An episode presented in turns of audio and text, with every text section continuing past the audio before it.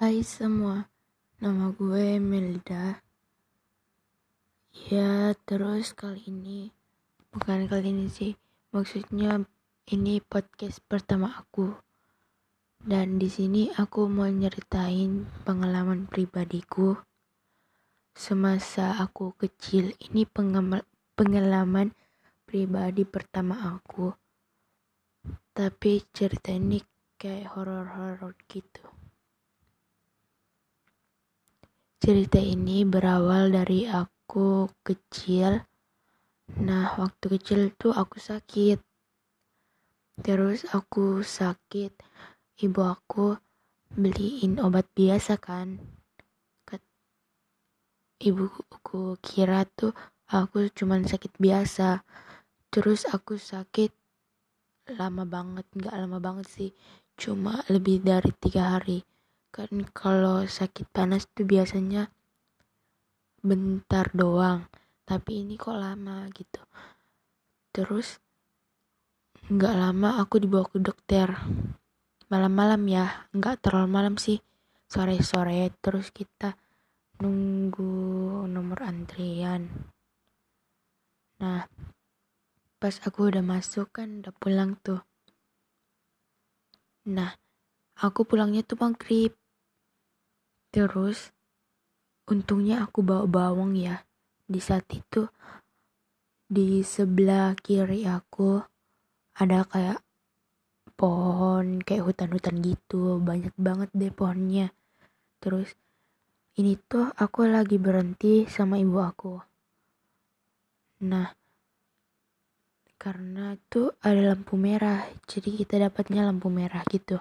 Terus kita berhentikan tuh aku lihat ke sebelah kiri. Sebelah kiri itu ada kayak pohon-pohon gitu kayak hutan-hutan gitu kayak yang aku ceritain tadi.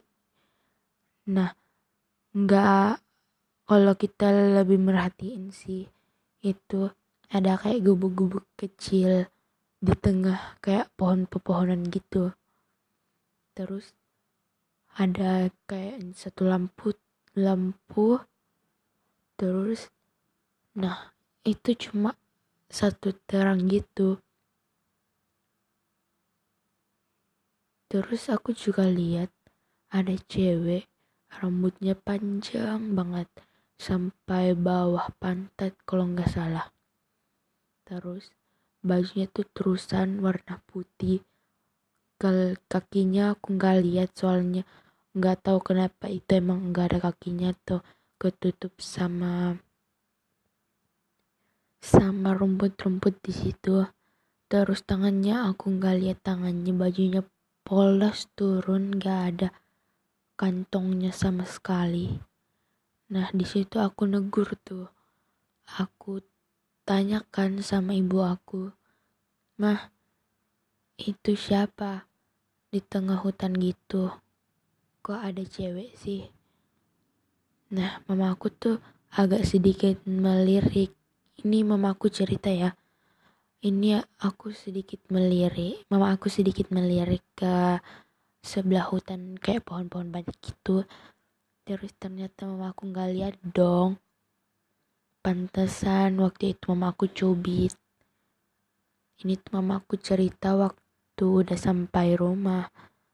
Dia ngeliat melihat dia melirik ke sebelah kiri. Ternyata nggak ada apa-apa. Kosong. Nah terus yang aku lihat itu siapa dong